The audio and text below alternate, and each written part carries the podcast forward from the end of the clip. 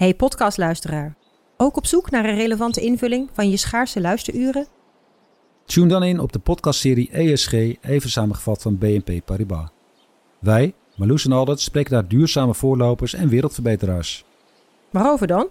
Nou, bijvoorbeeld of we ooit duurzaam kunnen gaan vliegen. En waarom koeien in de stad nou een goed idee is? Dat en meer elke twee weken in een nieuwe aflevering. Dus abonneer je. ESG, even samengevat. Vanaf de Tweede Kamer der Staten-Generaal het verhaal van vandaag. Mijn naam is Thomas Ruip.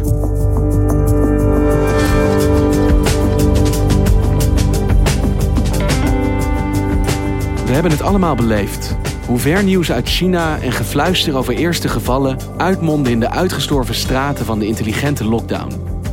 Maar wat deed Nederland precies? Redacteuren Dirk Stokmans en Mark Lievese Adriaanse waagden zich aan een grote reconstructie van de coronacrisis. Van dag tot dag, buiten- en binnenskamers. Dit is deel 2 van een tweeluik. Hoe Nederland net wist te ontsnappen aan code zwart.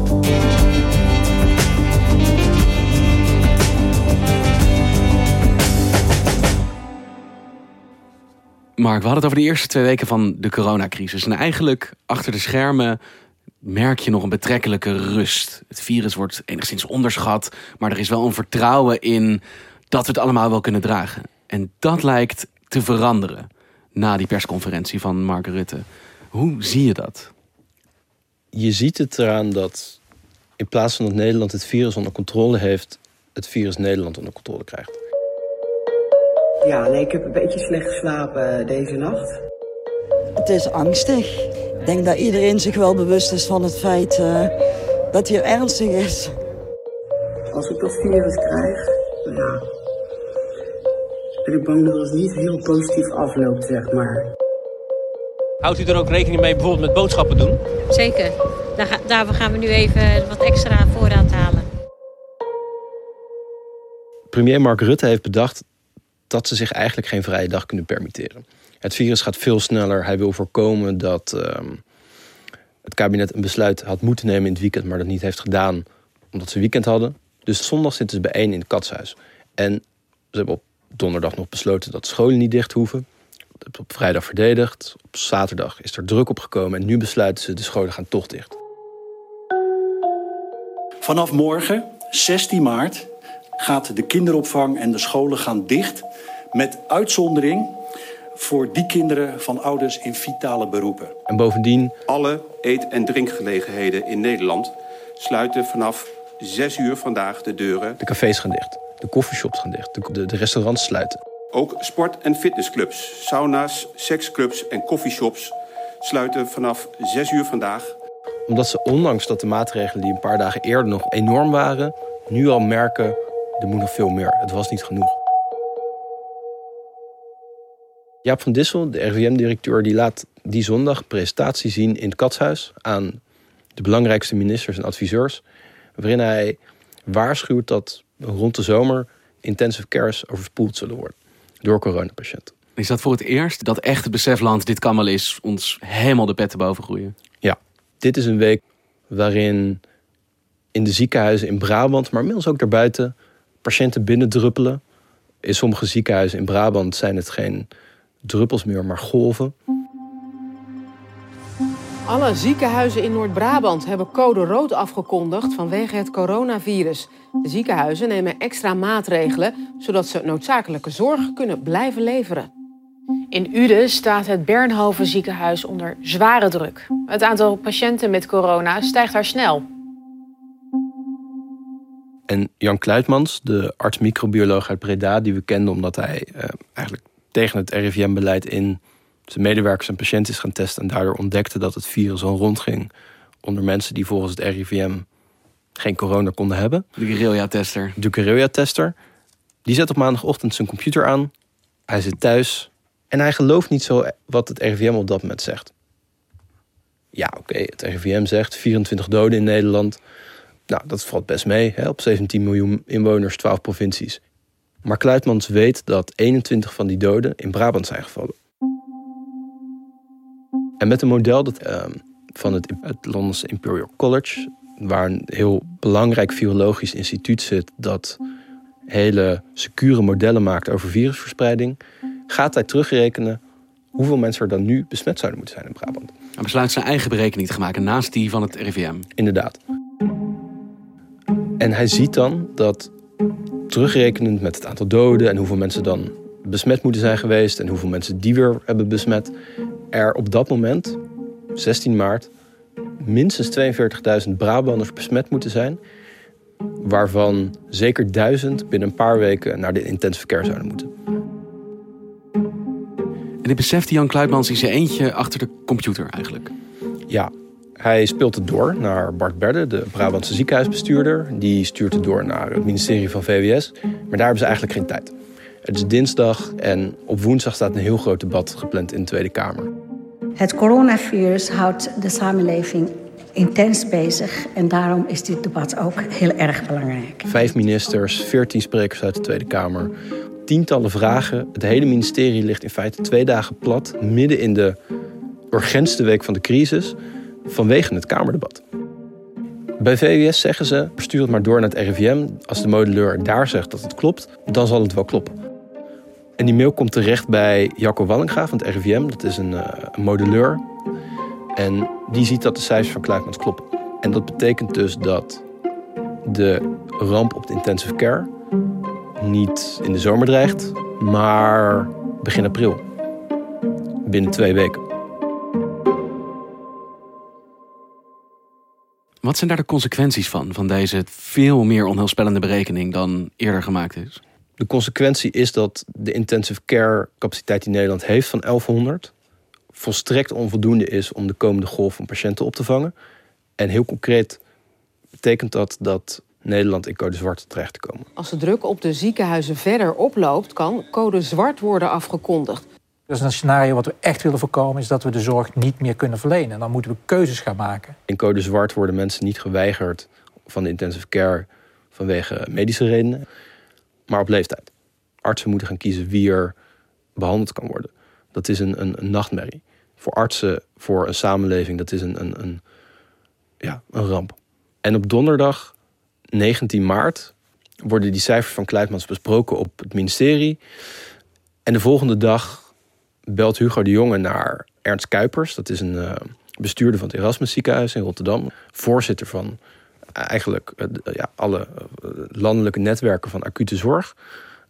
En zij besluiten dat Brabant geholpen moet worden. Als Brabant niet geholpen wordt dat weekend, dan betekent dat dat er in Bernhoven geen bedden meer zijn. Dat mensen zullen sterven op de drempel van het ziekenhuis. En op zaterdagochtend rijden dan de eerste ambulances weg uit Brabant. Uit Groningen, Zuid-Limburg, Rotterdam. Met de grootste zorg worden vandaag vanuit de Brabantse ziekenhuizen tientallen coronapatiënten naar andere ziekenhuizen vervoerd. Dit is een MICU, een mobiele intensive care unit. Deze komt nu net aan uit Utrecht en die daar staat op het punt te vertrekken met een patiënt richting het ziekenhuis in Maastricht. En waar staan we op dat moment in Nederland met betrekking tot de maatregelen? Hoe ziet het publieke leven eruit? Het uh, is mooi weer dat weekend. Het is eigenlijk het eerste voorjaarsweekend. En zij zien dan in het katshuis dat er meer maatregelen nodig zijn. Dat ondanks dat de deuren op slot zitten, gaan mensen nog heel erg naar buiten, de straten op, parkjes in. En ze besluiten dan een NL-alert te versturen. NL-alert. Volg instructies. Rijksoverheid. Houd anderhalve meter afstand. Bent u ziek of verkouden? Blijf thuis. Bescherm uzelf en de mensen om u heen. Dit komt nu binnen. Samen tegen corona. Keep your distance to others. En ze besluiten, we gaan in een intelligente lockdown. Dat is eigenlijk een lockdown, maar dan een intelligente lockdown. Een term die Mark Rutte zelf verzint. In het katshuis. En die op maandag 23 maart wordt aangekondigd. Het is niet een volledige lockdown. Je houdt niet alle mensen thuis die gezond zijn. Uh, en je zegt op straat, dus vanaf drie mensen, niet alleen je moet je aan die anderhalve meter afstand houden, maar vanaf drie mensen gaan we er ook op handhaven. En eigenlijk concreet betekent samenkomsten buiten worden strafbaar. Dit moeten we met z'n allen doen. Het overgrote deel doet het al. En die paar gladiolen die het niet deden, gaan het nu ook doen. Het tekent de drang van het kabinet om het virus voor te blijven. Is het tempo zo hoog dat zo'n term intelligente lockdown op zondag verzonnen wordt en op maandag eigenlijk al het land in wordt gestuurd? Zeker, ja. En op dinsdag vanzelfsprekend is. En wanneer beginnen de resultaten van die nieuwe maatregelen zich af te tekenen? Wanneer zien we of dit werkt? Dit zijn eigenlijk twee hele gekke weken waar we het nu over hebben. De week vanaf de berekeningen van Kluitmans tot het einde van de week dat de kappers echt dicht zijn en de lockdown bezig is. Midden in die tweede week is er een technische briefing in de Tweede Kamer, waarbij Kamerleden worden bijgepraat door Jaap van Dissel, de RIVM-directeur, en die heeft goed nieuws. Linksonder ziet u de opnames. Eh, Dus u ziet een duidelijke piek, een exponentiële toename... waar eh, de laatste dagen toch een afvlakking lijkt te zijn. Het lijkt erop, zegt hij, dat het tempo van de verspreiding van het virus afneemt. Dat betekent niet dat het virus zich niet meer verspreidt, maar het gaat minder snel. En dat zou, zegt hij, het gevolg kunnen zijn van de maatregelen die we twee weken eerder hebben genomen. En een paar dagen eerder al in Brabant. Klinkt voor het eerst even weer hoopvol. Het is de eerste hoop in drie weken. Maar die hoop wordt totaal overschaduwd door wat Diederik Gommers, de eh, intensivist, vlak daarna zegt. Goedemorgen. Afgelopen maandag hadden wij 96 patiënten op de intensive care. Hij zegt, de instroom van patiënten op dit moment naar de intensive care blijft zo groot dat we het straks gewoon niet meer aankunnen. Wat we nu merken de laatste dagen is dat de andere IC's lopen ook vol. En er is ook druk in de andere intensive care. Ehm, dus op het moment is het echt spannend. Het is te veel. En dat is logisch, hè? want mensen die naar de intensive care gaan, die zijn een paar weken eerder besmet geraakt. Het, duurt even voordat je zo ziek wordt dat je naar de intensive care moet. Dus de maatregelen kunnen effect hebben, wat Van Dissel zei. En tegelijkertijd kan de ramp zich alsnog aandienen. Gewoon omdat het toch te laat is geweest. Die bedden zijn er nu niet.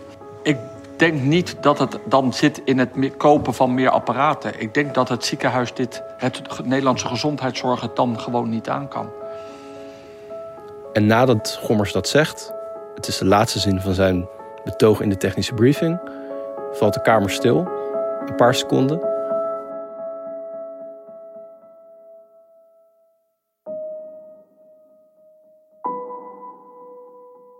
Dank u wel.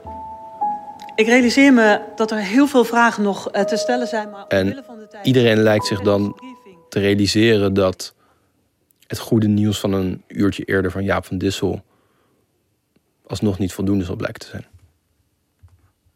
En als op zondag 5 april in het Katshuis de belangrijkste ministers samenkomen met Van Dissel, met Ernst Kuipers, met Diederik Gommers, dan zit Nederland in een gekke fase. Er is de lockdown.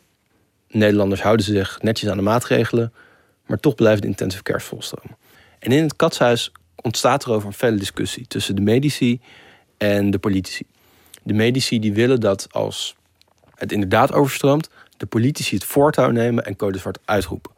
Want de medici vinden, wij kunnen een eh, afweging maken wie de intensive care misschien niet overleeft, of wie het misschien wel overleeft, maar daarna gewoon niet meer de kwaliteit van leven heeft.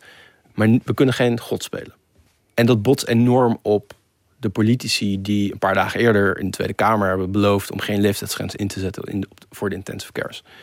Ze komen er niet uit en dat blijkt ook niet nodig. Want een paar dagen na deze discussie in het katshuis daalt de bezetting van de intensive cares. Er gaan meer mensen van de intensive cares af dan er opkomen.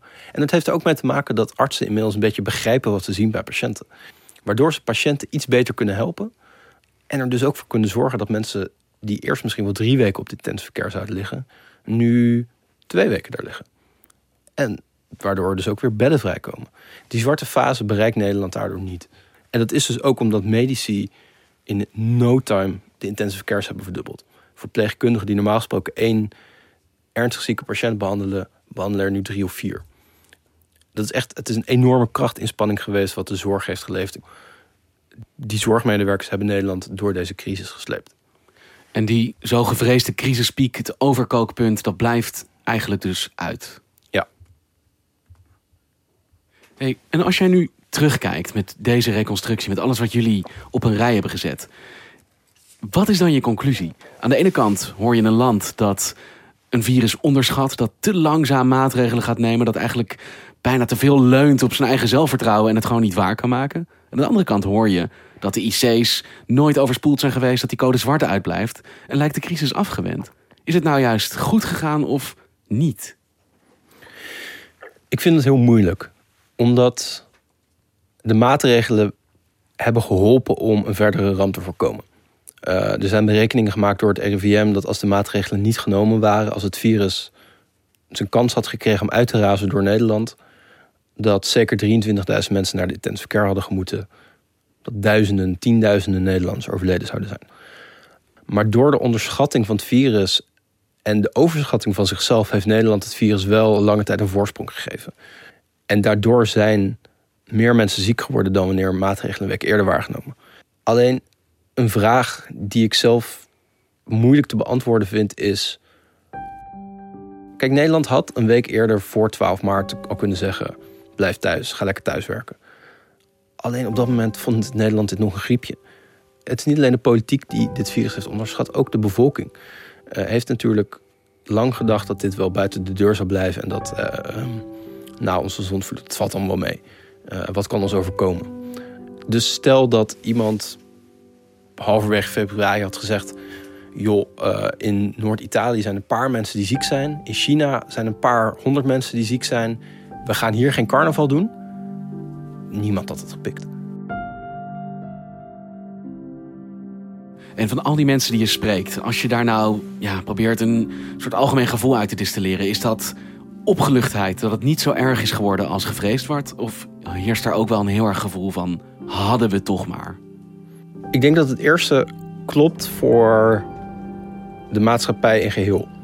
De totale ramp is uitgebleven.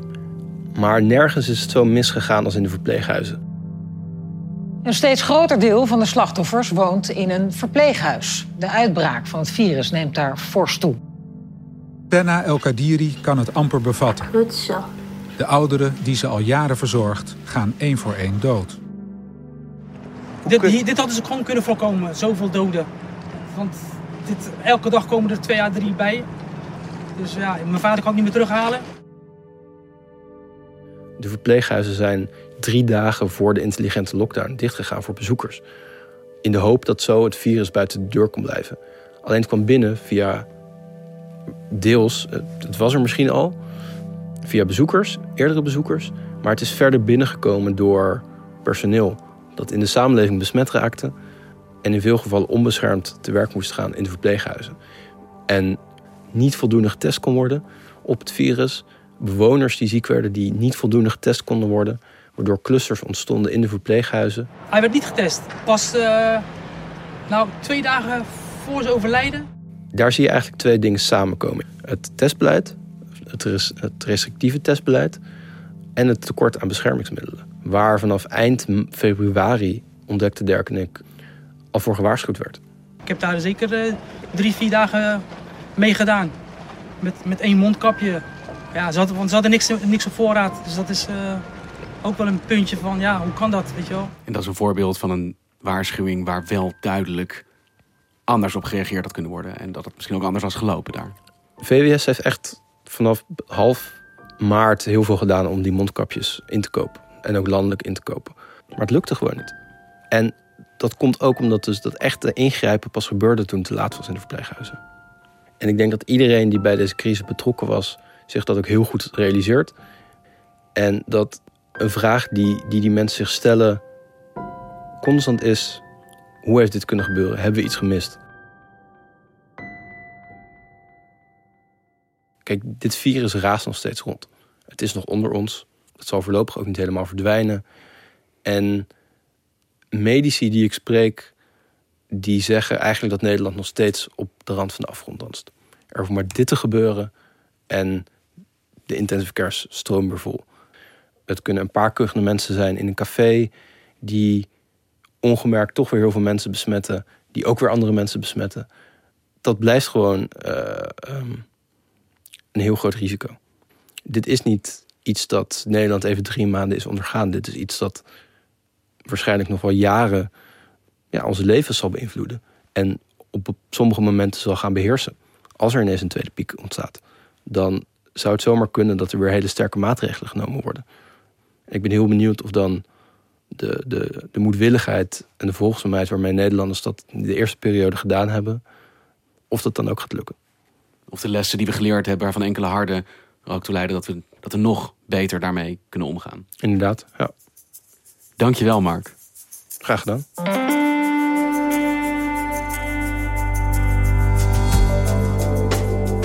Wil je meer weten over hoe dit verhaal tot stand is gekomen? Mark Lievisse Adriaans en Dirk Stokmans waren afgelopen zaterdag te gast in onze politieke podcast Haagse Zaken. Terug te vinden op alle grote podcast-apps. Dit was vandaag. Morgen weer.